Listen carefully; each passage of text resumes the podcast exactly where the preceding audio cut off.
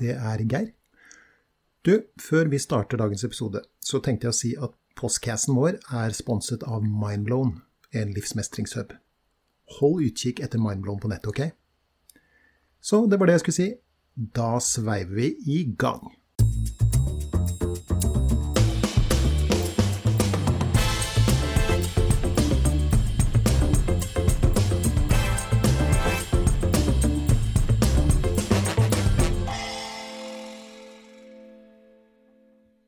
Der er vi nok en gang i gang med podkasten Gi litt mer faen. The Postgas. The Postcass. The Postgas! Yes. Etter hvert så berømt. sitter to gutter som uh, bare for noen dager siden faktisk uh, traff hverandre i storstua i Oslo. Ja, i Oslo Spektrum. I Oslo Spektrum. Og hva gjorde vi der? Der var vi så himself, dr. Jordan B. Peterson, live. Mhm. Det gjorde vi. Hva, hva Det var stappa fullt. Det var veldig mye mennesker. Hva, hva tenker du sånn i etterkant, Tommy Steine? Først så syns jeg det var bemerkelsesverdig mye flere damer og jenter enn det var forrige gang vi var. Så det var det første jeg la merke til. Absolutt, jeg også. Det var en ordentlig fangirl foran meg. Hun holdt, så ut som hun på å tisse seg ut da hun kom på scenen. og Reiste Ja. seg og klappa over helt vilt. Det var kul stemning. Eh, ellers så syns jeg vel eh, at eh, Oslo Spektrum er for stort til en sånn type opplegg. Å, det har ikke jeg tenkt, eh, tenkt over. Hva, hva, du, men du er, jo, du er jo showman og kan det her. Altså, hva, hva, er det du legger i den?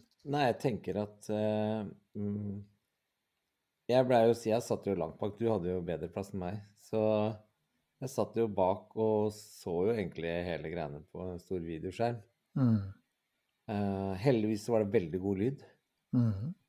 Uh, så Men jeg tenker at sånn som det var hos sånn på Konserthuset, det syns jeg liksom var helt øvre grensa av hvor stort lokalet bør være. Okay. Men jeg skjønner jo hvis han kan selge 7000 billetter istedenfor to, så er det jo Man lever jo av kronene sine, så Men Ja, eh, sant. jeg følte ikke at jeg fikk eh, Jeg syns Jordan Peterson var mye bedre nå enn når vi så ham på Konserthuset. men jeg- Mhm. hvordan, hvordan da? Nei, jeg syns ikke han var så Han kan jo til tider bli veldig Altså, det sklir helt ut på sidelinja i Mhm. forhold til det han egentlig skal snakke om, og han blir tatt av både egne tanker og ting som dukker opp der og da.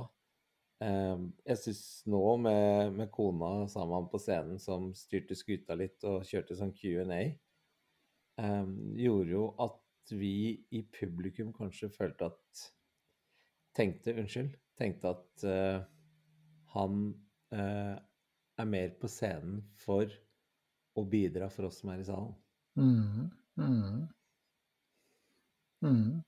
Ja, samtidig så kan man jo også tenke, eller det tenkte jeg da, at uh, jeg syns jo kanskje han er på sitt beste når han uh, mer sånn uh, foreleser. Men det er jo Mm. også det vi har sett, sett før, da. Og det var jo Mm. som du sier, det som på godt norsk dessverre heter Q&A, altså spørsmål og svar. Og, og det var jo en, en nettside hvor man kunne sende inn nettopp disse spørsmålene til, og jeg tror han besvarte tre. Kan det stemme? Ja, det var vel sånn. Ja. For sin, vane, for sin vane tro så fikk han jo et spørsmål, og dermed så dro han jo av gårde i alle retninger. Men det som jeg syns var så kult, da, var jo at um, han ser ut til å ha, og det vet jeg jo for så vidt fra før, men han har da en egen evne til å snakke om mm, La oss si det problemet eller det spørsmålet han får. Det har han en tendens da til å Og en evne til å, å belyse fra flere sider. Mm. Men så greier han alltid å dra trådene sammen på slutten. Og det er jo akkurat det han gjør i den boka som vi nå er i ferd med å gå gjennom. Mm. eh, regler for livet. Som jo ikke nødvendigvis er veldig sånn tilgjengelig lesning, om vi kan kalle det det. Nei, det kan han si trygt. Ja, og som også gjør at det er noe av en hodepine å skulle, skulle lage en f.eks. en podkastepisode om, eh, om de forskjellige kapitlene, for det er så mye greier at det er vanskelig å sammenfatte det på et vis. Eh, og, og jeg satt jo for så vidt og tenkte, jeg hadde litt sånn metaperspektiv på det da, da jeg satt og, og hørte og, og, så på, at folk som da kanskje ikke eh, er veldig vant til hans stil, kan muligens ha blitt litt eh, forvirra, i det minste underveis. Ja, jeg, jeg, tenker Jeg hadde jo med meg en som ikke hadde noe forhold til Jordan Peterson helt fra jobben. Og det første spørsmålet, da begynte han jo på sin sedvanlige vis å skli langt ut på sidelinja, og dro den riktignok, som du sier, inn igjen på, på, slutten, sånn at spørsmålet på en måte ble besvart. Men så øh, opplevde både hun og jeg var enige om at øh, opplevde da at øh, Jeg tror faktisk det var fire spørsmål for ett sånt der, litt sånn tullespørsmål om de kunne få lov å møte han. Ja, ja, riktig. Ja. sant? Uh, så derfra og ut syns jeg bare han blei bedre og bedre. Og han kom jo inn på brennaktuelle temaer som folk jo først og fremst digger Jordan Peterson for at han tar opp. Eh, spørsmålet om eh, om uh, det her med eh, uh, oh, herregud, hva heter det? Ytringsfrihet. Ja, det var det siste. Men det var ikke det jeg tenkte på den uh, før. Han snakka om han, han snakka jo om Norge, og at vi har Dette her med penger, at vi har eh, skjøtt pengene våre vel. Mm. Um, og jeg syns det var kult at Jordan um, Han er tydeligvis glad i Norge. Han er litt sånn, virkelig sånn imponert over systemet i Norge og mm. skrøt av mm. Oslo av en eller annen merkelig grunn. Og... ja. Han har jo, han har jo norsk avstand. Det var vel bestefaren hans som var eh, norsk, tror jeg. Det er vel der Bernt-navnet, Jordan B, ja. Eh, kommer fra. Så, så han, eh, han, har jo et visst forhold til landet sånn sett. Mm. Eh, og så er det jo visse likheter mellom hans fødeland Canada og Norge. Veldig mye, tydeligvis. Ja. Men at, at Norge har tatt, vært i stand til, i hvert fall så langt, å forvalte de ressursene vi har Eh, av en eller annens nåde blitt tildelt. Da. Mm. Eh, og at vi greier å forvalte dem på en, en, måte som forhåpentligvis nå vil komme også fremtidige generasjoner til gode. Ja. Så, så eh, jeg, jeg, opplever også det samme som deg, at temperaturen økte jo litt etter hvert. Og at han ble Da han starta, så ble jeg litt sånn Oi, hva, hva er det her? Han mm. starta litt nølende. Men ja. han varma seg selv ganske godt, uh, godt opp underveis, sånn ja. som jeg ser det da. Helt enig.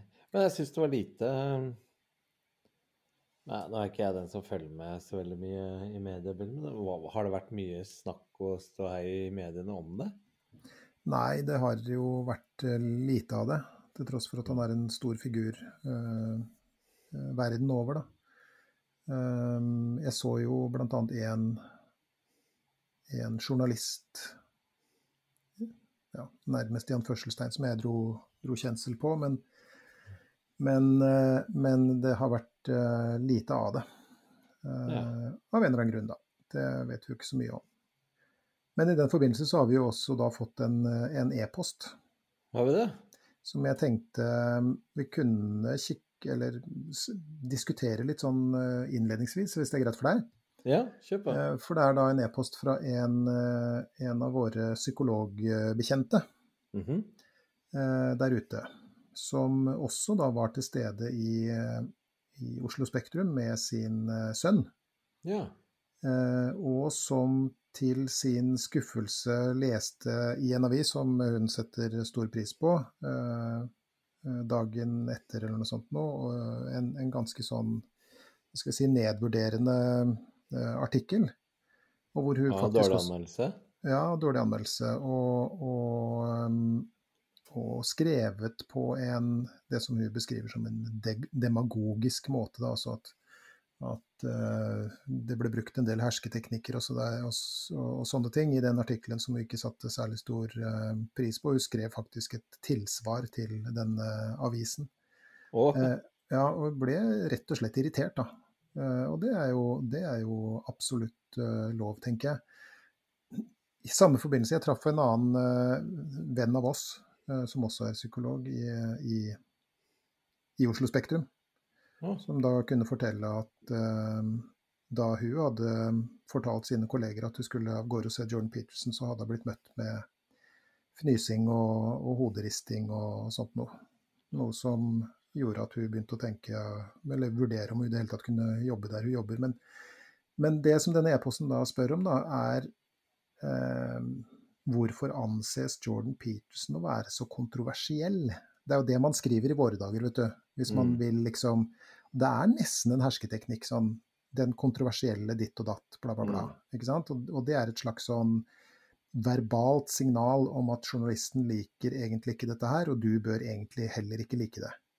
Wow. Eh, Så, så dette ordet er et slags sånn, eh, en sånn, sånn signal da, til leseren om at her er det fare på ferde, ikke sant. Men, men la oss nå bruke dette begrepet likevel. Altså hvorfor anses Men du vil ikke si hvilken avis, altså?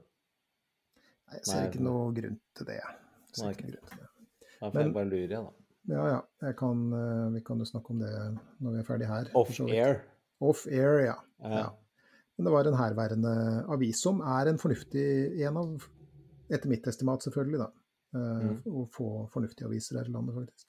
Men, men, og, og med evnen til å se ting fra flere sider osv. Så, videre, så Så det er jo litt sånn hitpiece, som man eh, kaller det på godt norsk. Men, men eh, hva, hva, har du noen tanker om det? Altså, hvorfor, hvorfor er det noen, ikke alle, men noen som, som synes at eh, Jordan Peterson er så kontroversiell, som det heter da. Hva Ja, tenker fordi du? at, nei, fordi at eh, Ja, der tror jeg er veldig enkelt, fordi han passer ikke inn i den derre boksen som, eh, som eh, veldig mange av disse menneskene vil at vi skal være i. Så det er jo Hvilken boks er det, da? Skal du fritte meg ut nå?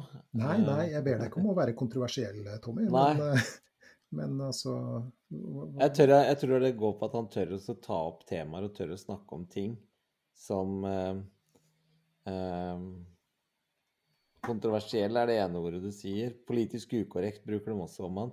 Mhm, mhm. Fordi han eh, Han jamrer ikke som saueflokken ellers gjør.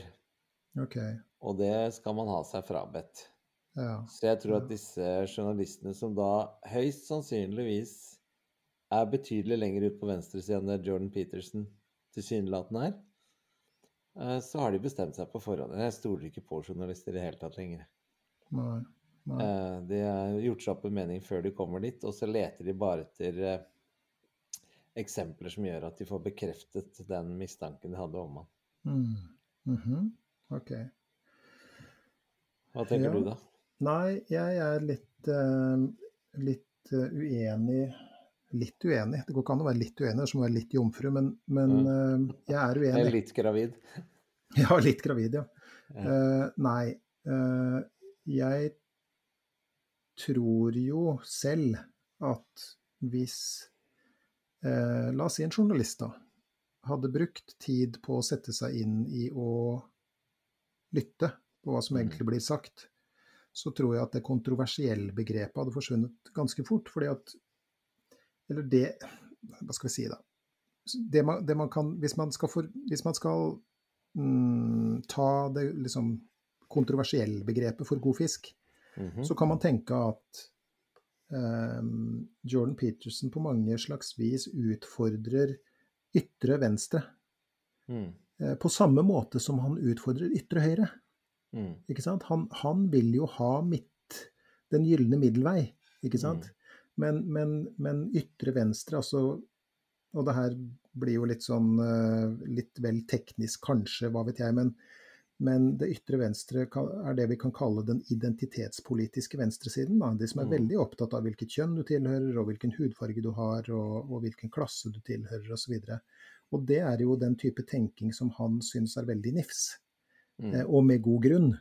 Mm. Fordi at hvis du ser på høyresidens du kan kalle det identitetspolitiske tenking, da, det han da sier er jo at vi har en måte å vite at høyresida går for langt på, Mm. og det er når høyresida begynner å snakke om rase. Mm. ikke sant? Og, og det vet vi jo, historisk sett. Det er skummelt. Mm. ikke sant? Det fører til undertrykking, og det fører til folkemord. Mm. Og millioner av mennesker har mista eh, livet pga. det. Mm. Men det han også da sier, er jo at det samme kan man si om ytre venstre. fordi at når de begynner å snakke Han sier jo eh, Hva er det han sier? Skal vi se. Han sier noe eh, cirka sånn Når, når ytre venstre begynner å bli for opptatt av såkalt likhet, sånn at de virkelig vil trumfe det gjennom med vold, så går de for langt. Det jeg har tenkt om saken, det er det at når, når eh, ytre venstre begynner å snakke om sin moralske overlegenhet, og ikke sin Mm. rasemessige overlegenhet, det er da de, de går for langt. Da. Og, og ikke sant, vi har jo som samfunn, tenker jeg, kjempa i mange tiår nå. altså Den første jeg tenker på i så måte, er jo Martin Luther eh, King. Mm. ikke sant? Den amerikanske borgerrettighetsforkjemperen som sa at uh, jeg håper det kommer en dag hvor mine barn, som han sa da, uh, vil bli vurdert etter sin karakter, hvem de er, og ikke hudfargen sin. Og det syns jeg jo er, et, er ganske rimelig, et rimelig ønske. Mm. Ikke sant? Men poenget er at man kan si at som samfunn så har vi beveget oss mot det punktet. Ikke sant? Spiller ikke noen rolle om du er svart eller hvit eller gul eller rød eller blå eller hva du er for noe. ikke sant? Spiller ikke noen rolle om du er mann eller kvinne, så lenge du er liksom en ålreit person og flink og dyktig osv. Så, videre. så kan man jo også selvfølgelig da innvende at ja, men det er noen hindringer, ikke sant? i hvert fall på noen felter osv. osv. Men det det identitetspolitiske Venstre da har begynt med, er plutselig ut av det blå å begynne å legge vekt på Mm. identitetspolitiske markører. Um, og det er, jo, det er jo han imot på ytre venstre, på samme måte som han er imot det på ytre høyre. For det han sier, er jo at du trenger både eh, høyresiden og venstresiden. Du trenger høyresiden på den måten at de er Og nå er vi langt inne i hans materie, og vi Ja. kunne ha brukt tre timer på å forklare hvorfor han sier det han sier, men, men han sier noe i retning av at, at um, høyresiden driver på en måte um, disse hierarkiene, sant, som vi snakka om i, i den første episoden av det her. Disse kompetansehierarkiene. Mm. Men det som er ulempen med den type kompetansehierarkier, da, er jo at du får folk som ikke når opp, og som faller utenfor. Og av den grunn trenger vi venstresiden, og dette er veldig sånn tradisjonelt syn høyre og venstre, da, ikke sant? Mm. Men da trenger vi venstresiden for at de skal snakke de svakes sak. Og det har han Absolutt. helt rett i, ikke sant? For det trenger vi. Mm. Noen, noen må ta seg av enkene og de barnløse, som han uh, sier. ikke sant? Og noen må tale deres sak, for det er superviktig. Um, og, fordi, og, og, og begge hva skal jeg si, politiske leire da, uh, har viktige bidrag og viktig funksjon, og det er jo det han sier. Mm. Uh, og en annen ting er jo at um, i motsetning til gruppetenking, så slår Jordan Peterson til orde for individuelt ansvar. Ikke sant? Én ting er jo at du skal jo hva skal jeg si, få den hjelpa du trenger når du trenger det, hvis du trenger det osv.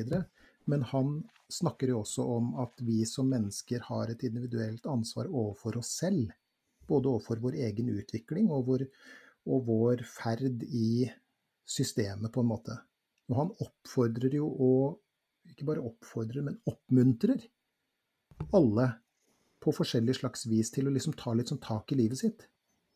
Han sier ikke at du mislykkes fordi at du ikke har tatt tak i livet ditt. Det er jo ikke det han sier. Nei. ikke sant?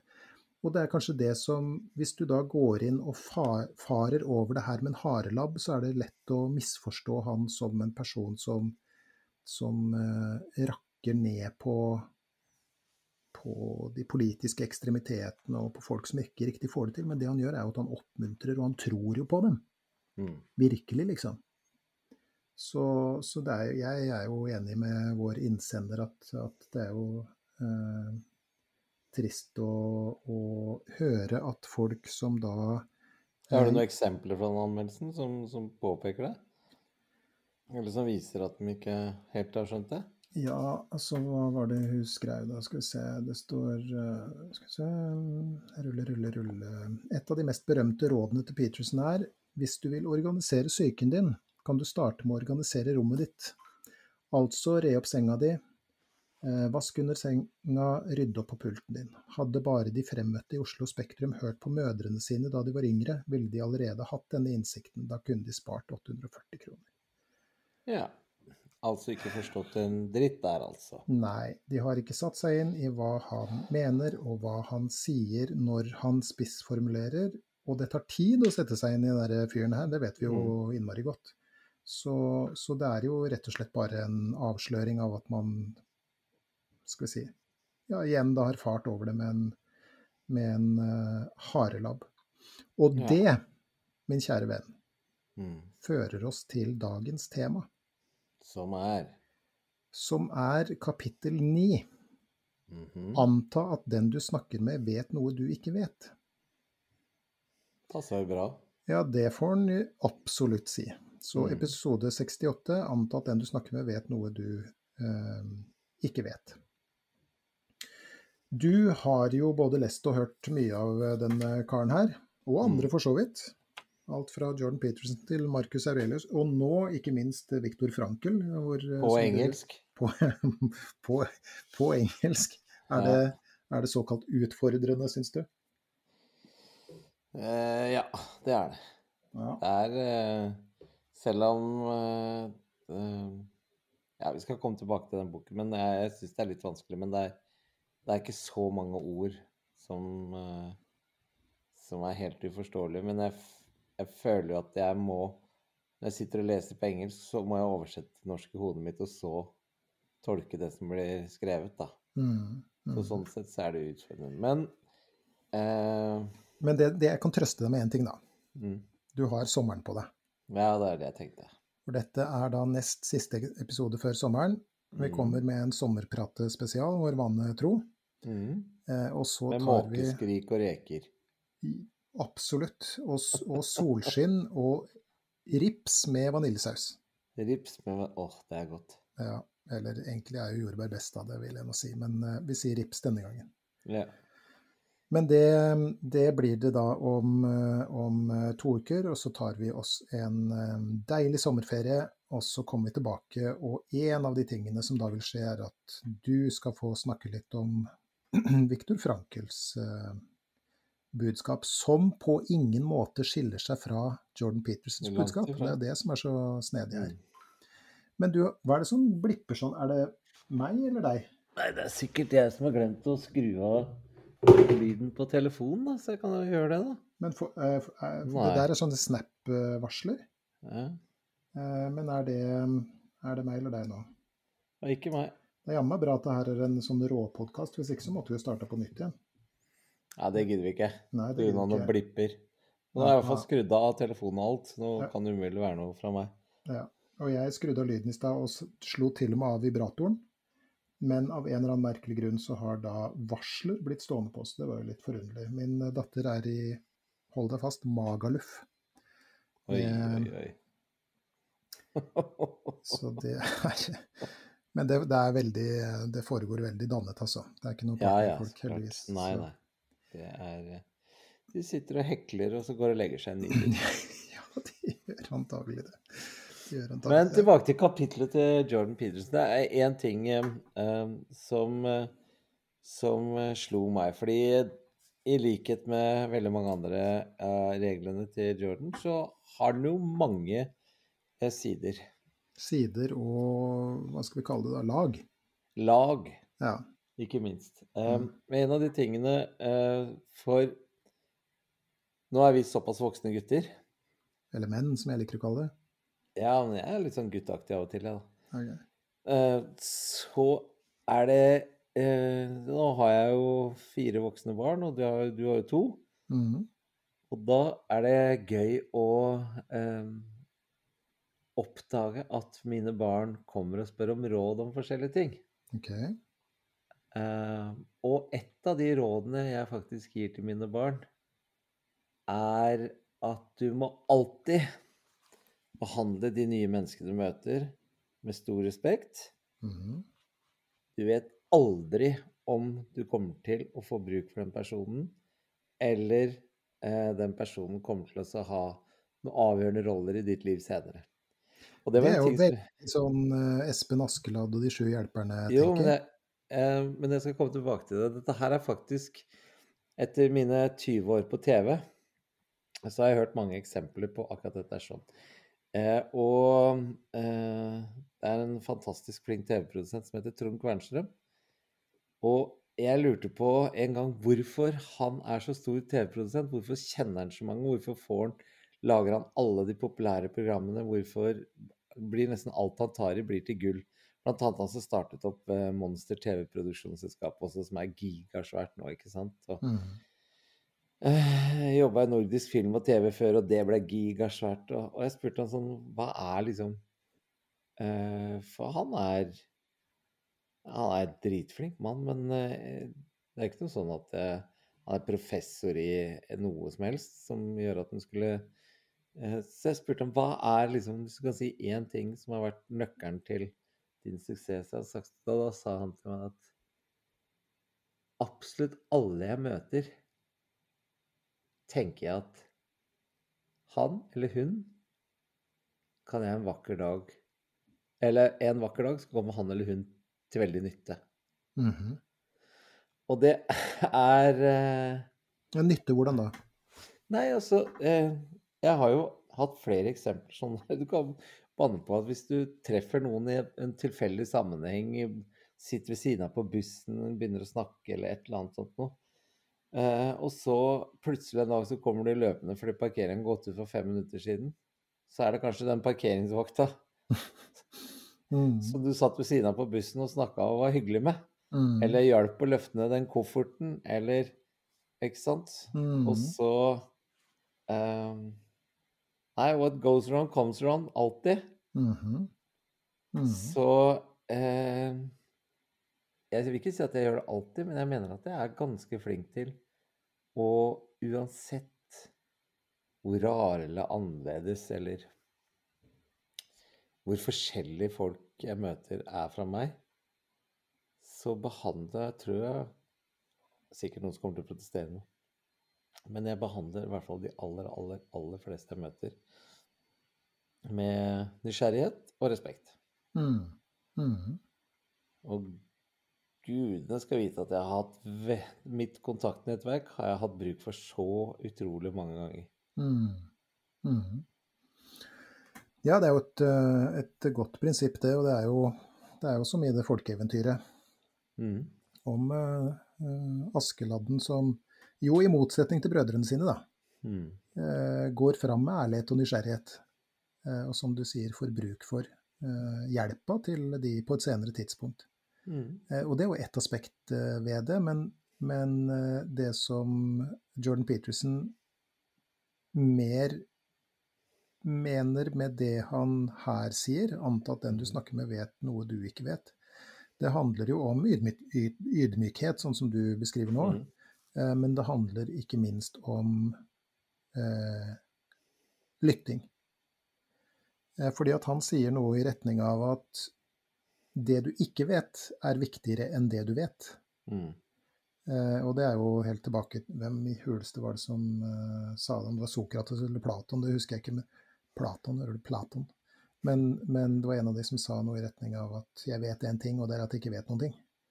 Eh, og det er jo et slags sånn, en slags sånn et slags intellektuelt prinsipp som går på nysgjerrighet på et vis, da. Mm. Og, og, og et ikke-hovmod. Um, du du vil komme ut av alle samtaler med mer kunnskap enn da du starta den. Mm. Og det er jo en ting som Det, det gjelder jo alle menneskemøter på mange slags vis, tenker jeg. Men, men f.eks. da i terapirommet, da. Mm. Gud bedre så mye jeg har lært av folk som hva skal vi si, i utgangspunktet har kommet for enten å lære noe av meg eller tenke høyt sammen med meg. Ja. Eh, hvor de da tror at jeg sitter i en eller annen særposisjon. Eh, men, men hvor man kanskje da ikke tenker så veldig nøye over at ja, men den som sitter i stolen, er jo også et menneske. Ikke sant? Det var noen som sa at det er noe av det beste jeg har hørt om terapi. da. Terapi som kanskje er den moderne utgaven av holdt på å si, sjelesorg eller det å snakke med en prest. Jeg tror jo at psykologene i stor grad, terapeuten, har overtatt prestenes rolle. Men, men, men, det var noen som sa at terapi er møtet mellom to mennesker, hvorav den ene er mer forstyrret enn den andre. Som oftest er det pasienten. Men det er det ingen garanti for. ikke sant? Kanskje sitter terapeuten der og fullstendig i krise. Og jeg har lært kjempemasse av, av mine pasienter. Hvorfor? Jo, fordi at de er mennesker, og jeg er mennesker. ikke sant? Eh, og det, det, Jordan Peterson også snakker om, er altså hvis noen påpeker at det er noe du vet for lite om, så bør du bli glad. Ikke sant? Mm. Fordi at da forstår du i dette lille glimtet at hei, vent nå litt, det er faktisk mer jeg kan lære om, om, uh, om dette temaet. Og han sier jo videre hvis, altså, vil du være den som har rett, eller vil du være den som lærer? Og det er ikke vanskelig. Nei, det Jo, ja Det er utrolig viktig å ha rett, altså. ja, ikke sant. Men det er jo det de fleste av oss har lyst til, inkludert meg selv. Jeg vet ikke hvordan du har det, men når jeg havner i en eller annen diskusjon om et tema som jeg innbiller meg at jeg vet en del om, mm. så er det nesten så jeg kjenner at liksom pulsen øker og blodtrykket øker, og nå skal jeg liksom Nå skal jeg briljere. Ikke mm. sant? Mm. Men så kan man jo også si, da, hvis man greier å ha det her i bakhodet at det er jo en lite ydmyk måte å gå inn i en samtale på. Absolutt. Det er bare så jævlig vanskelig av og til. Ja, det er vanskelig. Men hvorfor er det vanskelig, tror du? Du har en ufyselig fyr foran deg som er mm. påståelig. Mm. Og så har du lyst til å sette den på plass. Ja, men da er jo spørsmålet også Da er, sitter ikke da en like ufyselig fyr andre, i andre enden? Med litt for altså mye stolthet. At vi er tre stykker, mener du? Som... Nei, altså Jeg tenker um... Jo, det har du helt sikkert rett i. Og når du peker på noen, så er det fire fingre som peker mot deg, eller tre fingre som peker Jeg har hørt alt det. Men um, rent menneskelig så er det Syns jeg er vanskelig av og til hvis det kommer noen og er veldig påståelig. Mm. Og når de kommer med påstander om ting som jeg vet ikke er korrekt, mm. Så er det ikke så lett å tenke hm, her er det en jeg skal lære av. Mm. Nei, det er ikke lett i det hele tatt. Men tror du at det er noe man kan øve, øve på? Mm. Helt sikkert. Ja, tenker jeg også. Fordi at i samtale med en annen, selv om det er en samtale som kanskje innebærer både urimeligheter og anklager, da, eller urimelige anklager for den del, og, og at ni av ti ting er liksom feil, mm. så kan det jo likevel være én ting den personen sier som, som, det kan være verdt å reflektere over. Ja. Men det er jo det som jeg tenker jo at og, og, det her er jo mea culpa, som det heter på latin. altså Her er jo jeg skyldig like mye som, som andre. Eller skyldig, men du skjønner hva jeg mener. Mm. Um, dette med at vi, at vi blir litt sånn fornærma og vi går i forsvar, og, og stoltheten vår overtar, da. Mm. Uh, Istedenfor den refleksjonen som gjør at liksom, du kan tenke hm, Hva om det er noe i det her? Kan det være noe i det som sies her, som faktisk kan gjøre livet mitt bedre, eller som gjør at jeg kan få mer innsikt og dermed kan lære noe, fremstå som Hva skal vi si Mer spiselig, noe som, som gjør livet mitt eh, lettere å bære. Og, og, det er jo det er jo, det er jo alt Det er jo i det minste en mulighet, da. Nei, jeg har, men jeg har gjort det mange ganger.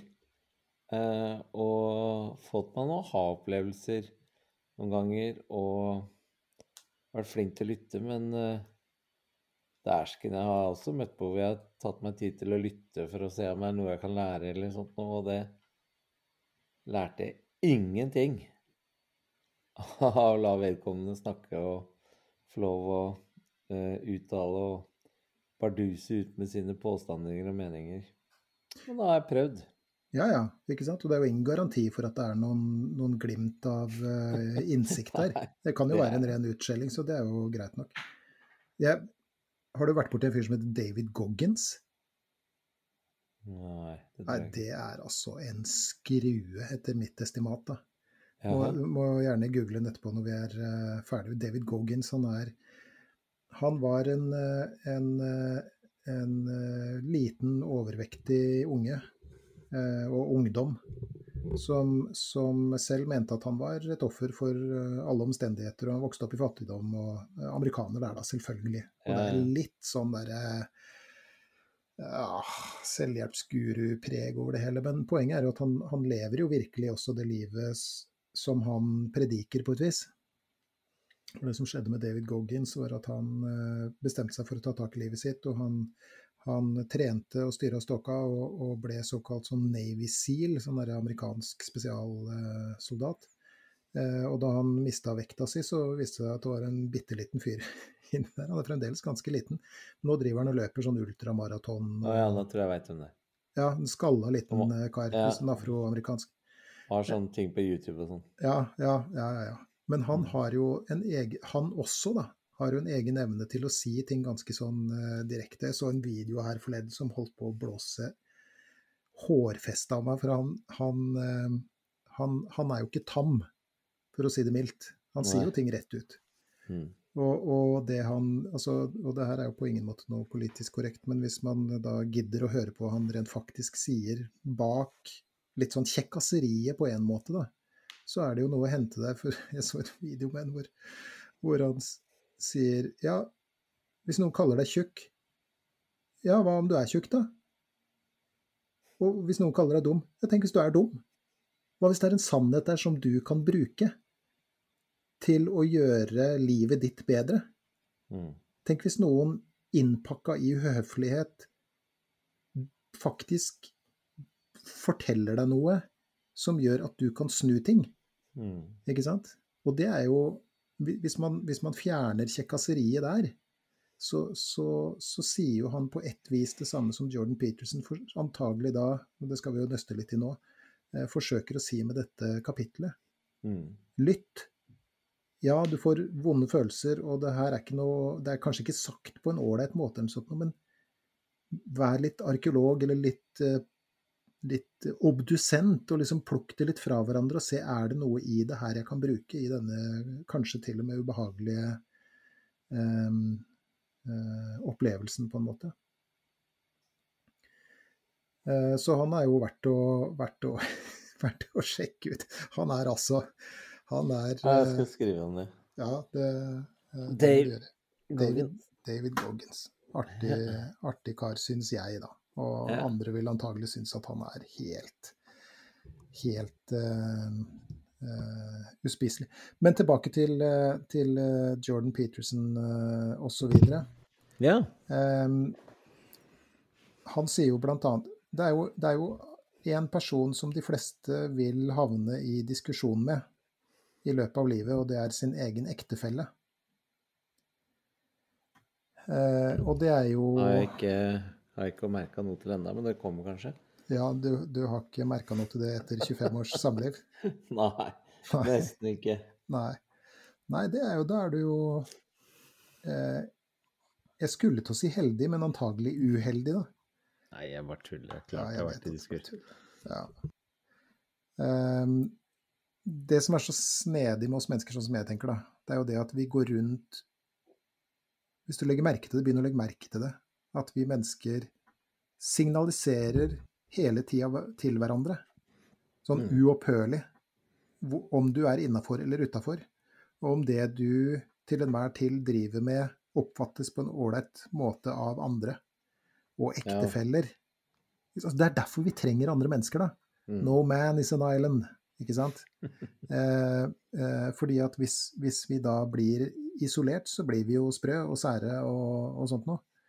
Mens, mens, hvis vi er så heldige da å ha i det minste noen rundt oss, det kan være en venn, det kan være en ektefelle, det kan være en lærer, det kan være ikke sant, et annet menneske, så vil du få disse signalene mer eller mindre uttalt. Og det som er bra med det, er at du får slipt av det litt sånn derre skarpe kantene som vi antagelig alle går rundt med.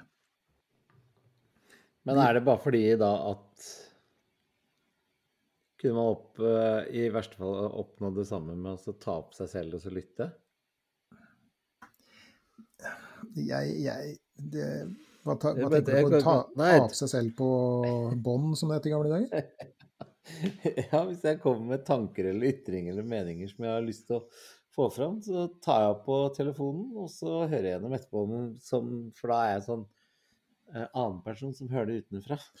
Nei, du er vel kanskje ikke det. Du er jo den samme personen. Så jeg tror det er litt som å rope til et ekko, da. Det, da. Ja. Du får jo ikke noe annet svar fra, ek- fra ekkoet. Nei, det gjør man jo kanskje ikke. Nei, jeg tror ikke det, altså. Det er, Nei, det er nok en en- grunn til at folk på isolat blir gærne. Det er kanskje det. Ja, det tror jeg. Og det er også Jeg vet ikke Jeg har jo Jeg har jo vært borti folk som har levd livet stort sett aleine, og, og det blir jo en del særheter etter hvert, kan man kanskje si. Og Ja, anta, antagelig er det fordi at vi trenger andre mennesker rundt oss til å, å korrigere oss, da. mm, Eh, men det han sier, er, er sånn med tanke på ektefeller. mm, Og det syns jeg egentlig var veldig sånn godt sagt. Du skal ikke vinne, du skal ikke gå inn for å vinne en diskusjon med en partner. Fordi at det du da gjør, er at du skaper en taper. mm. Og hvis du da skal gå rundt og leve sammen med en som taper stadig vekk, så vil det aldri bli et godt liv, da. Så, og, og, og hva hvis du tar feil? Ikke sant? Da har du jo vunnet på feil eh, grunnlag, og begge er antagelig dummere etterpå. Ikke sant? Sånn at det han sier da, er jo at du skal gjøre ditt beste for å bidra til å forbedre motpartens argument. Oi. Ok, Så da, da er han jo inne på det som er en av psykologiens store mm, fedre, da, om vi kan kalle det. Ho, en av hovedfigurene i psykologihistorien, en kar som heter Carl Rogers. Eh, han, han snakker om, eh, om dette med at når du snakker med et annet menneske, så skal du gi en oppsummering av det du har oppfatta av det som ble sagt, sånn at den andre får en sjanse til å korrigere det. Og, og eh, i f.eks. en gruppediskusjon, la oss si på en arbeidsplass, da, Mm, så, så hvis man skal forfølge det, det prinsippet fra Carl Rogers, så vil det si at La oss nå anta at vi sitter fire kolleger og diskuterer et eller annet, og du har et nytt argument i saken. Så får ikke du fortsette argumentet ditt før du har oppsummert motpartens argument på en måte som godkjennes av motparten. mm. Ok, har jeg nå forstått deg sånn at det du mener er at Nei, nei, nei, nei. Mm. Ja, det er riktig. Ok, så får du komme med ditt. Mm. Ikke sant? Og, og, og en, en annen greie da, som, som eh, Jordan Peterson Det har vært en morsom øvelse. Ja, hadde ikke det? Ja, det er jo et fantastisk. Ja, ja, ja, ja. ja. Ja, ikke sant? I et ekteskap eller på en arbeidsplass eller mellom venner som er litt, uenige eller et eller annet, Mm, så, så hadde jo det vært fantastisk. fordi at det hadde jo sikra at begge parter opplevde at de faktisk ble hørt og forstått. Skal Og gjøre et eksperiment med Linda på det. Ja, ja men det er, det, det er antagelig en, en god idé. Ikke sant? Uten Men- å legge men- følelser i det. Det kan godt være følelser der, ikke sant? men følelser er jo én ting, og argumenter og tanker er faktisk noe annet. Ikke sant? Og det du oppsummerer, er tankene og argumentene. Mm, Og, og, og, og innbakt i det ligger jo på mange måter følelsene, da. Ikke sant? mm, Fordi at tanker og følelser påvirker hverandre og driver hverandre, så det er jo, det er jo greit. Men, men Og hvis man da i tillegg hjelper den andre til å formulere seg mm, skal vi kalle det, på en mer presis måte, sånn at vedkommende kanskje kan utvikle argumentene sine, mm. og sånn at begge to da blir klokere etterpå. Du gjør det ofte med meg på podkasten her. Ja, nå hører jeg at du sier at jeg eh, På hvilken nei, du, måte? Du, nei, du sier en fin ting hvis jeg sier sånn Nei, det er sånn og sånn og sånn og sånn. Og så sier du Ja, eller kan det tenkes at det også er sånn og sånn og sånn? Jo, men på en annen side så kan man jo da si at ja, men da er jeg ikke helt fornøyd med ditt argument, så, så jeg prøver å komme med mitt eget. Ja, nei, jeg tror ikke Sånn er ikke du. Jeg, jeg tror det er for at du Jo, vil at jeg sånn skal er jeg. Det skal jeg ordlegge meg enda bedre. Ja, ja. Ok, greit nok. Eh, men noe, det, noe i retning av. noe i retning av. Ja, ja, ja. Ja. Men det vi er inne på nå, da, er jo, Mm. er jo det man kan kalle eh, metakommunikasjon. Altså det å kommunisere om kommunikasjonen. Det å Mm. snakke om snakkinga. Ikke sant? Type sånn eh, Har jeg oppfatta deg riktig dersom jeg nå sier at du mener at bla, bla, bla, bla, bla? bla. Da må man forutsette at man er ærlig, da. Begge Ja, ja, og det må man være. Og det er jo ikke minst viktig i et terapirom. Mm. For uten ærlighet så strander den prosessen punktum. Og det er ikke bare i terapirommet, det er i ekteskap også. Det er også i ekteskapet. Og det er Og også vennskap og vennskap, mellom foreldre og barn. mm. Foreldre og barn sliper hverandre hele tida. Mm. Ikke sant? Vi kaller det jo oppdragelse. Og, og, og, og, de som har greie på fine ord og sånn, kaller det sosialisering. Ikke sant? Ja. Vi forbereder vi, vi, vi forsøker å gjøre eller sette barna våre i stand til å orientere seg i verden på en sånn måte at andre finner dem tålbare, eller noe Mm. sånt. At det blir tålt. Men Mm. samtidig så vil jo også barna være full av signaler. Både, både med ord og med kanskje kroppsspråk og sånt noe, til sine foreldre. Mm. Nå er du urimelig. Ikke sant? Og det her er noe jeg alltid har sagt til eh, mine barn når de kommer sånn og sier type sånn eh, De får lov, og dermed så må jeg få lov. Ikke sant?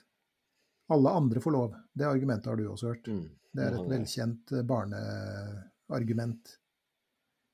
Argumentet er ikke godt nok. Formuler deg mer presist, så kan det tenkes at jeg vil endre mening. Og en annen ting jeg har sagt, er at jeg er bare et menneske. Jeg kommer til å gjøre feil. Jeg har begått feil overfor deg. Jeg kommer til å begå feil overfor deg. Og det er fordi at jeg er et menneske. Mm. Og hvis du mener at jeg tar feil, så må du si fra. Og hvis jeg da mener at jeg har tatt feil, så skal jeg be om unnskyldning. Og mitt siste, det siste jeg har sagt, er hvis du trenger psykolog pga. barndommen din, så skal jeg betale det. Hittil har det ikke kommet noen regning, heldigvis. Nei, men de er så unge ennå, så De er så unge ennå, så det er jo uh, greit. det kommer, kommer en Ja, dag. Det er bare å begynne å spare.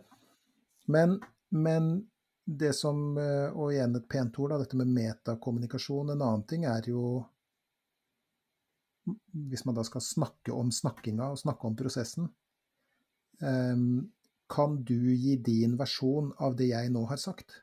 Det vil da si, det du egentlig spør om er hvordan har du oppfatta det her? Mm. Ikke sant? Fordi at vi snakker om sender og mottaker i en samtale. Og det som sendes ut, kan være noe helt annet enn det som blir tatt imot. Ja, det er jo en liten sånn punkt midten, på midten der sånn som påvirker også. Mhm, Så Det var en kollega av meg som en gang sa noe som jeg syns var så klokt. Um, hun sa Hun brukte begrepet 'lytte med munnen full av ord'. ja. Hva tenker du når jeg sier det? Eller tenker du noe når jeg sier det? Ja. Hvis jeg oppfatta det riktig nå, så er det en kollega av deg som Føler meg veldig sett og hørt og forstått, Tommy. Du er, eh, du er et unikum. Nei, det er jo sikkert eh, Det er et, et godt råd, det syns jeg. Eh, Ja, men hva betyr det det? betyr at uh, vent med å si de ordene du har i munnen, til du har lytta og hørt hva den andre sier.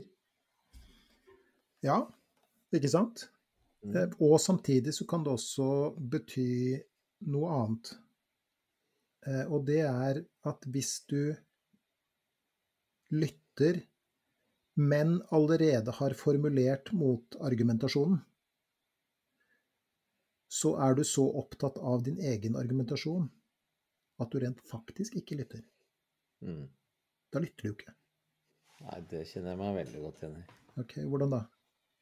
Nei, men det, hvis man uh, diskuterer med noen, så er man jo bare, har man jo bare lyst til å banke meningene inn i hodet på den andre. Mm. Og da eh, ja, Jeg har jo en yrkesskade, så jeg tenker ofte tre og fire og fem og seks setninger framover. Ok. På, på hvilken Hvis måte er det- en yrkesskade? Fordi at på scenen så Eller om det er en skade, vet jeg ikke, men i hvert fall på scenen så sjonglerer du veldig opp i hodet, fordi jeg har en tanke om de tingene som jeg sier. Mm. Og så skal jeg, mens jeg sier det, analysere responsen til publikum. Og så må jeg samtidig ha strategier for hvis publikum responderer på den måten. Eh, ja, la oss ta det enkelt, da. Hvis jeg sier noe, og publikum skal le, og de ikke ler, så må jeg ha en strategi for å gå videre hvis de ikke ler. Okay. Og hvis de ler, så må jeg ha en strategi på hvordan jeg kan holde det oppe, så de ler av neste ting og neste ting. Okay. Samtidig skal jeg også observere hvordan publikum er. Eh, om det kommer hekling f.eks. tilbake. Hek hekling, hva er det for noe? Bare forklar altså det raskt. at, noen, eh, at noen kommenterer ting du sier på scenen. At de, at de roper og sånn. Ja. Ja. Roper kommentarer. Mm. Ja. Som du hørte på John Peterson, så var det strengt forbudt. Ja. Hekling is ja. ja, totally forbidden. Ja. Men, så, men bare som en innskutt bisetning her, da, så skjedde det noe. Ja. Fortell litt om det. Og det takla de veldig bra, syns jeg. Ja. Det var jo en i salen som trengte plutselig lege. Mm. Eh, og Jordan spurte faktisk fra scenen etter en lege. Mm. Eh, og så pausa de bare. Mm. Og det, jeg har ikke vært borti en person på scenen som har trykka så på pauseknappen. Mm. For han fortsatte på samme setningen som han hadde begynt Ja, med når det- ting var over. Ja, ja. Det la jeg også merke til. Det var helt besynderlig å se på. Som om ingenting skulle ha skjedd. Jeg hadde nok ikke gjort det på den måten, men han, eh, han hadde klart oppi hodet han, hvor han stoppa, og hvor han skulle fortsette. Mm. Og det var 20, jeg- og det var 20, 20 leger som sprang til. Ja, ja, ja, og det, og alle reiste seg opp. Jeg hadde jo nesten inntrykk av at vi var på en legekonferanse. Ja, det var helt Det var så mye leger der at eh, eh, Så nei, eh, jeg hadde nok eh, eh, Jeg lever nok mer eh, i momentet når jeg er på scenen, enn i eh, Sånn som han Han snakka jo om noen tvillinger, og så skulle han akkurat til å si forskjellen på de to tvillingene. Og så blei det er 'lege trenger doktor', og full oppstand. Og det varte jo ti minutter eller noe sånt nå. mm. Og så når det var over, så sa han eh, Fikk jo den damen applaus, for hun gikk jo for egne ben til slutt. Og, Ja, takk og pris. ja. og, så, og så fortsatte Jordan. Og da er forskjellen på de to tvillingene Som om man bare skulle ha tenkt seg om i to sekunder. Så det var, eh, det var imponerende og gøy. Men hvor var jeg? Hvor, Jo, ja, nå er det jeg som driver og avbryter deg og lytter Ja. med munnen full av ord. For det, så, yes, det, det du sier, syns jeg er så interessant, da. Men du sier at når du står på scenen som komiker, så må Ja. du ha, ha tenkt seks skritt foran. Mm. Ikke sant? Hvilken respons får du, bla, bla, bla. bla. Og derfor så tar jeg også det med meg eh, både i andre jobben som jeg gjør, og blant venner, og ikke minst i mitt eh, samboerforhold med, med Linda. Så har jeg nok eh, en liten sånn eh, varig men da, etter så mange år på scenen. Sånn at når jeg diskuterer f.eks. Med, med Linda, så serverer jeg en påstand, og så venter jeg egentlig ikke på hvordan hun responderer på det, for jeg antar at jeg vet hvordan hun responderer på det, og fortsetter med neste argument og neste argument og neste argument. Sier du, sier du da at du på en måte har bestemt deg for hva hennes reaksjon blir, på et vis, da, eller? Ja, jeg, nesten sånn ubevisst så har jeg jo det noen ganger. Ja, ja. Og har allerede klar argument nummer to, tre, fire og fem. Men kan det være fordi at du at du kjenner hun etter 25 år, eller, eller er det denne yrkesskaden, tenker du? Eller kan det være begge er, deler, Det, det er nok en kombinasjon også. Ja. Men jeg merker jo at jeg av og til gjør det når vi snakker sammen også, eller på jobben. Til og med med, i jobben med disse ungdommene på institusjonen også. Er det, noen, så- er det noen fordeler med den måten å tenke på, og er det noen ulemper? Uh, ta ulempene først, så er det jo at man ikke eh, får lyttet nok. Man er for opptatt av sin egen stemme. Det vil jeg si er ulempene med det. Fordelene med det er at jeg også da er veldig rask til å tenke, da. Mm. Sånn at jeg er veldig rask til å komme med svar på tiltale, eller eh, rask med å komme med argumenter som i mange tilfeller kommer godt med fordi at det gjør meg mer forståelig. Og Mm. folk kan og, og som komiker så er jeg jo veldig flink til å beskrive ting i bilder, ikke sant? Og det gjør jeg jo da også, også en argumentasjon eller bruk av metaforer eh, som eh, så, så det er jo en fordel. Eh, så det er fordeler og ulemper med alt, som du sier. Mm. Mm. Så eh, Men jeg har ingen problemer med å se at denne karen kan bli enda flinkere til å lytte. Mm. Mm. Jeg syns Ja. det blir fort kjedelig. Ja. Ja, ja. Det er akkurat som jeg skjønner eh, Noen ganger så skjønner jeg hva folk skal argumentere, og da, da trenger jeg ikke også høre det. Jeg bare vet hva de Når de starter Ja, men det er akkurat det samme som når jeg Og så vet jeg hva som kommer. ja. Ok. Og så har jeg ikke lyst til å sløse de 20 sekundene med å høre det jeg visste skulle komme. Mm. Gjelder det, gjelder det bare ekteskap, eller er det andre sammen? Nei, nei, nei. Det gjelder overalt. Okay. Men så klart, det er jo ingen steder hvor det er så reinspikka og reint og sterkt som i et samboerforhold. Kan jeg fortelle noe, og det her er antagelig så er det her eh, sånn i de fleste ekteskap, men eh, min kone Vegard, som Ja. du jo kjenner, eh, hun har jo utvikla noe av en hobby etter hvert. Fordi fordi at uh, hun kan stille meg et spørsmål, og så svarer hun på det sjøl med min stemme, da. Ikke sant? For at hun vet nøyaktig hva jeg kommer til å svare. Uh, og vice versa. Så vi kan jo egentlig sitte og ha samtaler med oss selv. Jeg kan jo høre hun oppi hodet mitt når hun er på jobb. Ja. Altså på en ikke-psykotisk måte. Ja. Eh, bare for, som et enkelt eksempel, så er det sånn eh, i, i, Hva var det i går? I går var det, ja. Så var hun på kveldsvakt. Eh, og jeg var alene hjemme. Og så skal jeg sette meg ned og, og eh, spise middag i sofaen og se på TV. Eh, For det syns jeg er digg når jeg er aleine. Det er ikke noe poeng å sitte alene ved et bord. Ikke sant? Så da setter jeg meg i sofaen og ser på TV. Og så hadde jeg da med meg et glass sånn is Hva heter det? Iskald eller isklar eller et eller annet sånt som er. Eh, og så setter jeg det på bordet, og så hører jeg hun si inni huet mitt, da Ja, da må du bruke sånn brikke under. Så ikke så blir, blir bordet ødelagt. Og da sier jeg høyt ja, ja.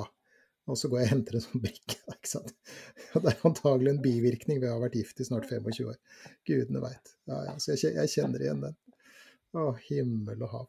Men, men bare som et igjen da, en innskutt bisetning, for jeg ble litt nysgjerrig da du em, fortalte i en av dine innskutte bisetninger om dette med, med hekling. Mm. For det fremstår jo for meg som et noe av et mareritt. Eh, At noen plutselig begynner å gaule et eller annet fra salen eller noe sånt. Noe. Hvordan? Mm. Og jeg har jo sett det her på f.eks. komedieshow og, og sånt som det her. Da. Hva? Og, og, og veldig mange Du har jo sett det mange ganger når du har sett på meg òg. Ja, jo, litt sånn eh, en som har fått seg en halvliter for mye og sånn. Mm. Eh, Men noen ganger så er det jo noen som tar helt av. ikke sant? Jeg har sett på sånne eh, komediespesialer og, og sånt noe. Mm. Og, og det virker jo som om disse komikerne alltid har et helt sånn vanvittig svar å komme med som bare setter folk 100% på plass. Er det noe som tas på sparket, eller ikke? Mange ganger så blir de tatt på sparket, og så husker du de, og så bruker de de flere ganger. Ah, ok. Så det som virker på noen, det har, har du et eksempel på en av dine ferdiglagde svar? Ja eh, Og jeg veit ikke om det er min heller, eller om jeg har hørt av noen andre komikere en gang i, i gamle dager. Men jeg, hvis det er noen som forstyrrer veldig tydelig, eh, kommer med frekke tilrop eller sånt noe, og så kan jeg si typ Ja, det her skjer hver eneste gang jeg opptrer, folkens. Altså, jeg står oppe og får godt betalt for å drite meg ut, og så er det noen som sitter og gjør det gratis. Og så Ja. peker jeg på den som har kommet på det svaret. Ja. Jeg husker også eh, Var ikke Dame Edna en eller annen rar karakter som hadde fantastisk heklingssvar, og det var en som to-tre ganger plaget denne komikeren Og så stoppet eh, hun han, eh, for det er jo en han som var kledd ut som en hund, Mm. opp, og så ser han på vedkommende, og så sier bare 300 millioner sædceller, men nei da. Det blei deg. Ja. Og det syns jeg er, er eh, Og så har jeg hatt en eh, hadde en da jeg var yngre, som, som var sånn derre Jeg kunne si eh, til folk som var frekke, så sier man sånn Det er jo ganske stygt sagt, men jeg sa nå det, og det var Ja, du sliter i hvert fall ikke med studielån, hører jeg. Faen meg. ja. Og verst verste var at en gang i Bergen så, så var det så morsomt, for vedkommende sa det. Ja, du sliter i hvert fall ikke med studielån, skjønner jeg. Og så sa jeg nei, tenk, jeg har ikke lån engang! Så ja.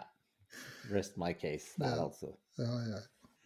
Nei, men, eh, men tilbake på, på sporet, fordi apropos komikere, så en av, en av komikere jeg syns er fantastisk bra for tiden, er jo en som heter Bill Burr.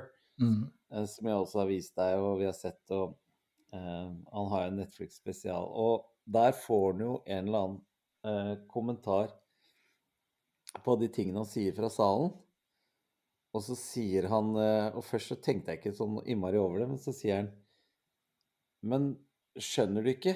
Når jeg som komiker står på scenen og jeg har sagt de tingene som kommer ut av ordet mitt, nei, ut av munnen min, så er det ikke mine ord lenger. Mm. Jeg bare Hæ? Hva, hva mener du med det? Og så forklarte han videre. Jo, fordi at når jeg har sagt det jeg sier, så er det basert på mine opplevelser eller mine tanker. Men så hører du de ordene, og så blander du det med dine historier, dine erfaringer, ditt, eh, din kroppsform i dag. Og så lager du din egen sannhet ut av den setningen. Mm. Det tar ikke jeg ansvar for, sa han bare. Ja. Det er ditt problem. Ja, ja, ja. ja. Det er jo Ja. Det er jo var så bra sagt. Ja, det er kjempebra sagt, og det er, morsomt sagt, men også antagelig sant sagt. Ja. Og det er jo litt er sånn som vi snakker om nå.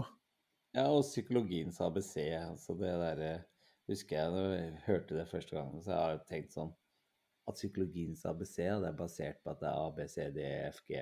Nei. Og det er også det her med at du ser en ting, eller oppfatter en ting, eller opplever en ting, og så blander du med dine egne erfaringer, historie, eh, hvordan du er som person, og så konkluderer du Mm. med det. Mm. Så, så det er eh, eh, Og det er det, og det Å, nå kom jeg på det. Og det er det jeg syns av og til er vanskelig. Mm.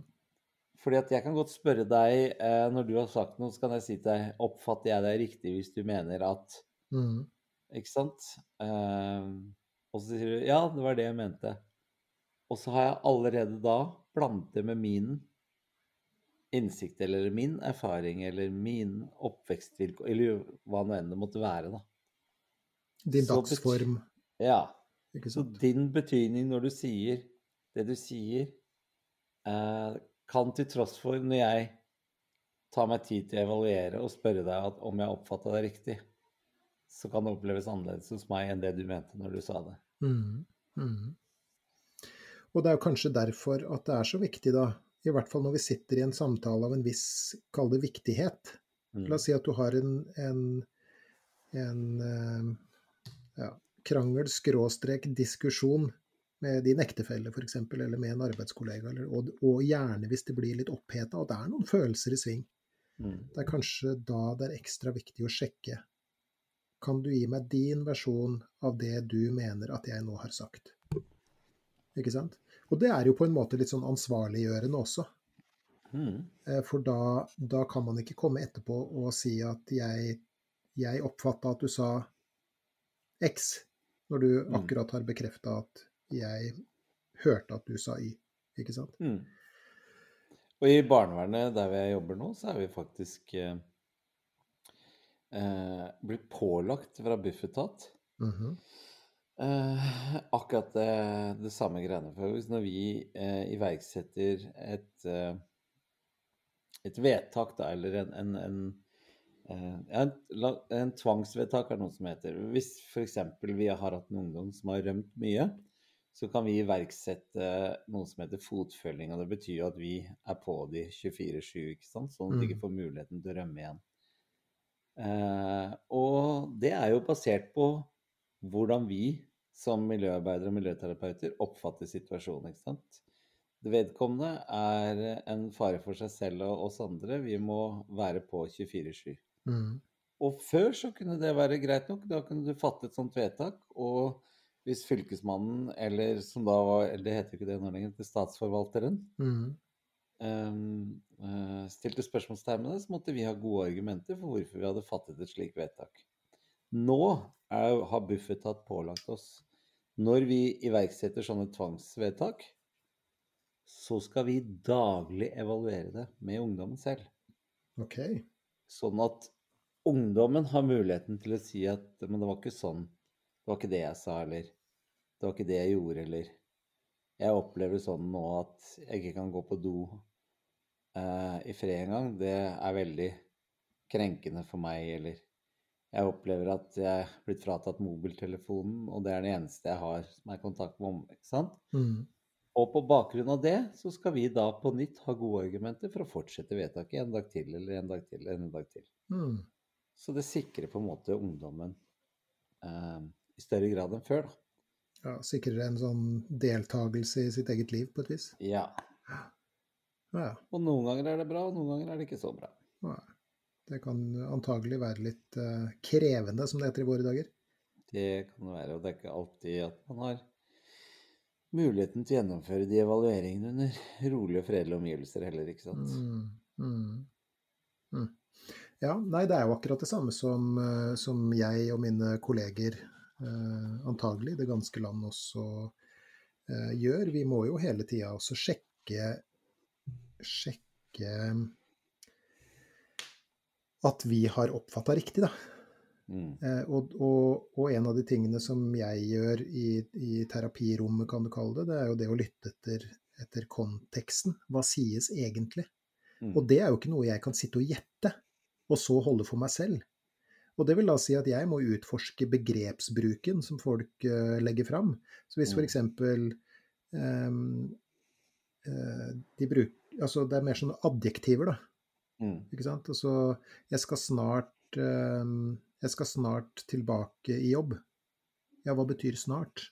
Mm. Eller man sier f.eks. jeg skal tilbake i jobb når jeg er klar. Ja, hva legger du i klar? Hvordan vet du at du er klar, f.eks.? Og så kan vi få mm. veldig gode diskusjoner eh, rundt det, som virker mm. oppklarende for meg, men også for den personen jeg sitter og snakker med. Mm. Eh, eller f.eks. noen sier ja, jeg opplevde det og det, og da følte jeg meg dårlig.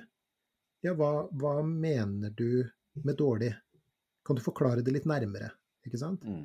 Og det er jo også en av, og det var faktisk en av de tingene som Jordan Peterson sa fra scenen også, at vi mennesker tenker gjennom og, Altså én ting er at vi kan tenke opp i hodet vårt, noe som ikke er en enkel uh, øvelse, fordi at man, man uh, Hva skal vi kalle det, da? Vi må Vi må du må på en måte sette opp to personer inni hodet ditt som argumenterer mot hverandre. Det er jo det som er tenking. Mm. ikke sant? Eh, til forskjell fra flyktige tanker. Flyktige tanker, hva skal jeg si, umiddelbare tanker, er nødvendigvis ikke tenking. Men når vi setter oss ned og tenker, så må vi sette opp argumenter opp mot hverandre og, og, og prøve dem mot hverandre, på en måte. Ikke sant? Mm. Men, men, i et uh, Altså, mennesker imellom så tenker vi når vi snakker sammen. Vi, vi vi utforsker gjennom snakking. Uh, vi, vi, vi, utvikler gjennom snakking, ikke sant. Og det er jo noe av det som var det siste punktet da, også i, uh, i Oslo Spektrum. For da fikk han jo et spørsmål om ytringsfrihet. Mm. Og han er jo en rabiat forsvarer av ytringsfrihet. Mm. Ikke sant? Og han sier at det er, jo, det er jo nettopp grunnen til at ytringsfrihet er så viktig. Fordi at hvis vi ikke har ytringsfrihet, så vil vi gå glipp av ting. Ikke sant? Fordi at vi må få lov til å tenke høyt sammen. Og da må på en måte alt på bordet, da. Eh, og, og, hvis vi undertrykker den frie tale, så undertrykker vi tenking, og dermed så undertrykker vi samfunnsutviklinga, på en måte. Og da Det er det som ligger i det som heter cancel culture. Og når vi snakker om komikere, så er det jo nå en del komikere som begynner å, å unndra seg og, og f.eks. opptre på universiteter osv., hvor man har gjort krenking til eget, uh, eget masterstudium omtrent. Mm. Ikke sant? Det, jo, det er vel både han, vet han Seinfeld og mm og også han i Monty Python, vet du, han um, Hva heter han hovedfyren i Monty Python? John Cleese. John Cleese. John Cleese. Ja, John Cleese. Han har også sagt sorry, jeg opptrer ikke på universiteter. For det er så mye folk der som bare blir rasende. De vil ikke diskutere, de vil ikke tenke. Ikke sant? De vil bare ha stopp. Mm. Sånn safe spaces, som de kaller det.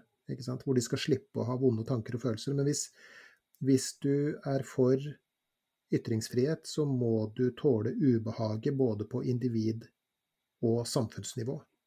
Mm. Vi trenger tenking for å utvikle oss.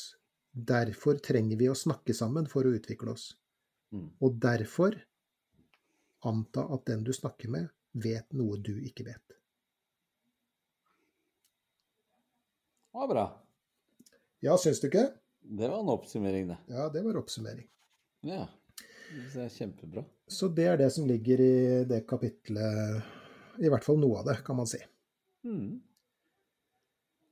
Så var du oppfatta George Jordan blir glad, jeg. Ja, ja, det tror jeg. Så han lærer ja. seg norsk, selvfølgelig. Men tror du, sånn helt på tampen stille spørsmål, tror du at Jordan etterlever alle disse reglene selv, til punkt og prikke? Mm.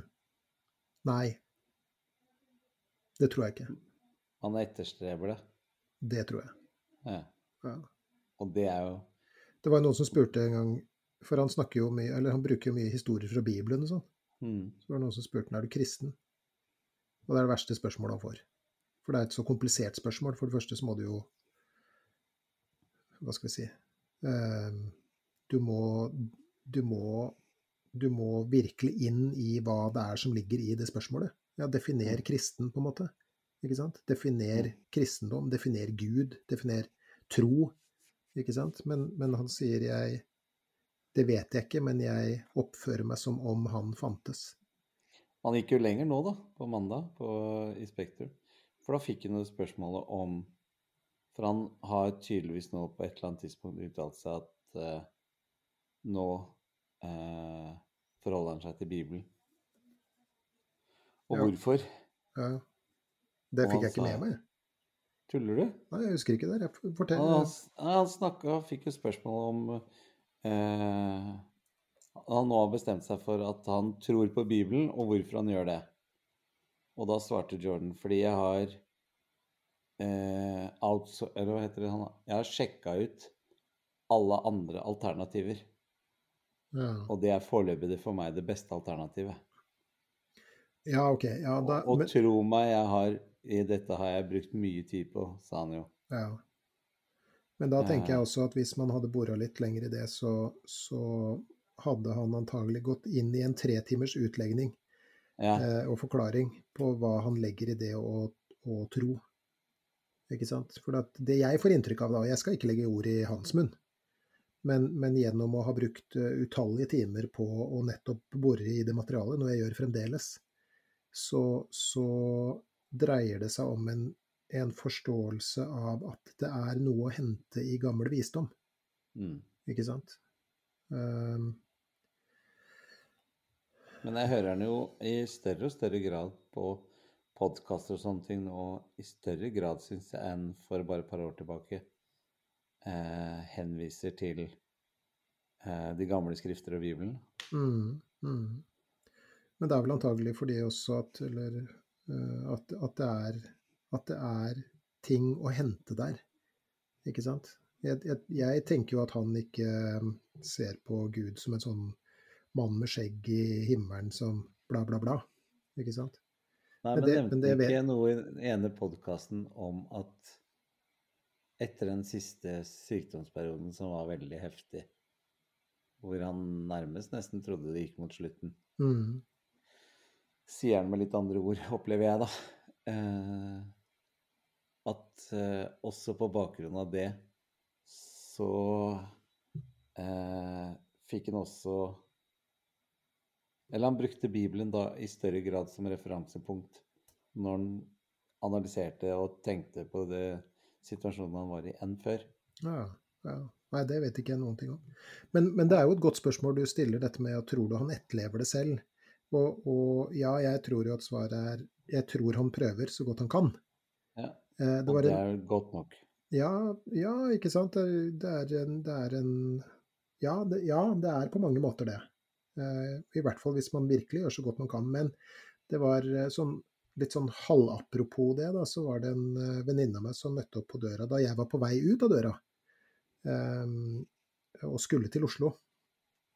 Ja, hvor skal du? og sånn. Jeg skal til Oslo og se Jordan Peterson, eller høre Jordan Peterson. Da. Ja, er det ikke han som var narkoman? Jo, han ble avhengig av benzodiazepin. Mm. Ja, men er det ikke han som snakker om å rydde rommet sitt og kjempe mot dragene, på en måte? Ha-ha, der tok jeg deg. Altså, det var sånn jeg oppfatta det. da. Mm. Jeg sjekka ikke ut med om det var det hun mente. Det kan hende at det var et aldeles oppriktig spørsmål, men, men jeg opplevde det som litt sånn konfronterende. Ja. Sånn, ja, men hva, hvem er han som kan stå og snakke om disse tingene, og så har han hatt så store problemer selv? Men det jeg tenker, ja, men det jeg tenker da, er jo Ja, men vil ikke det gjøre han enda mer skikka til å snakke om sånne problemer? Vil du ha en feilfri pappfigur? Finnes ikke. Nei, det er jo én ting at det ikke finnes, men vil du ha en feilfri pappfigur til å snakke om sånne ting? Mm. Er det sånn at hvis du er overvektig, så kan du ikke mene at det er lurt å, å redusere vekt og være fysisk aktiv, f.eks.? La oss si at du er en overvektig person som, som sitter i sofaen. Kan du likevel da ikke stå for noe annet? Det er jo, det, det er jo et, sånn som jeg ser det i hvert fall, ganske sånn fattig argument, da. Mm. Så jeg tenker at du må jo Det må jo kunne gå an å være et menneske og leve et liv og fremdeles løfte noen prinsipper som du gjør så godt du kan for å etterleve, til tross for at du er bare et, et svakt lite menneske som vi alle er, liksom. Mm. For det er det vi er. Ingen av oss er perfekte, selv om det ser ut sånn ut på Instagram eller Ikke sant? Ingen av oss har peiling på alt. Det er, det er, de fleste av oss har ikke peiling på noen ting omtrent. Nei. Og det er kanskje det han mener da, når han sier at når du snakker med andre mennesker, så, så gå ut fra at det er noe å lære her, da. Så Ja, og Einstein sa vel også en gang at den dagen jeg ikke lærer noe, så legger jeg meg ned og dør. ok. Ja, det vet ikke jeg noe om. Nei, men jeg kjente han litt, så Ja. Så jeg vet at han sa at han hver eneste dag lærte noe nytt, og den dagen han ikke lærer noe nytt lenger, så dør han. Napoleon sa jo at du skal ikke tro alt du leser på internett. Sa han det? Det leste jeg på internett. ja. ja. Nei, men Nei, da kom vi i mål med denne regelen også. Det er bra, det, Geir. Jeg skulle ikke tro at vi gjorde noe annet, holdt jeg på å si. Nei, men det er eh, bra. Sånn at neste episode, med andre ord, blir Mm. ei lita sommerspesial. Litt eh, koseprat og litt oppsummering og litt sånt noe. Måkeskrik og rips med vaniljesaus. Ja. Og skrubbsår Ja. på knærne. Skrubbsår på knærne. Mm. Men da vil vi gjerne ha sommerhilsener. Vi vil ha forslag til ting man kan snakke om i sommerspesial. Ehm, hvordan man skal klare seg uten podkasten i, i flere uker. Ja, en annen ting, vet du hva? Unnskyld at jeg avbryter deg med munnen full av ord. Men, Det eh, gjør du. Ja, men en annen ting jeg tenkte på her forleden. Hvis dere har noen spørsmål til oss, type sånn mer sånn personlige spørsmål, hva vi mener om ditt eller datt, eller uh, hvordan vi eh, håndterer sånn og sånn, eller bla, bla, bla, hva som helst. Spør oss om hva som helst. En liten uh, quiz episode. Hadde ikke det vært litt kult? En Q&A. Ja, Q&A. Spør oss om hva du vil, rett og slett. Så tar vi med det i sommerspesialen. Ja, det gjør vi.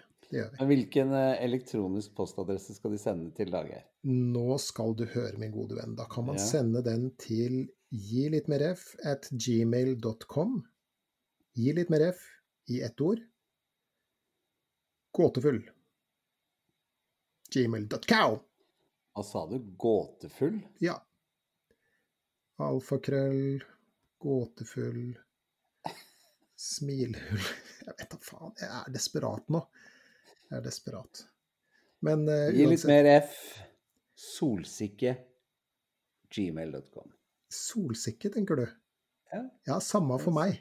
Sommerspesial solsikke. Ja, OK, men da sier vi det. Da ses vi Nei, ses Ja, det gjør vi også. Ja, det gjør vi også. Om en liten stund igjen, da. Det gjør vi. Og Ja, hvis, du, hvis du liker det du hører og har lyst til å dele med andre, så del det vidt og bredt, og trykk gjerne abonner i din foretrukne podkastplattform. Da blir vi veldig glade, og en kattunge får en fin sommerdag et sted i verden. Så bra. Ja, er ikke det ålreit? Jo, verden til et bedre sted, rett og slett. Ha en god kveld. Du òg. Vi snakkes. Ha det. Ha det.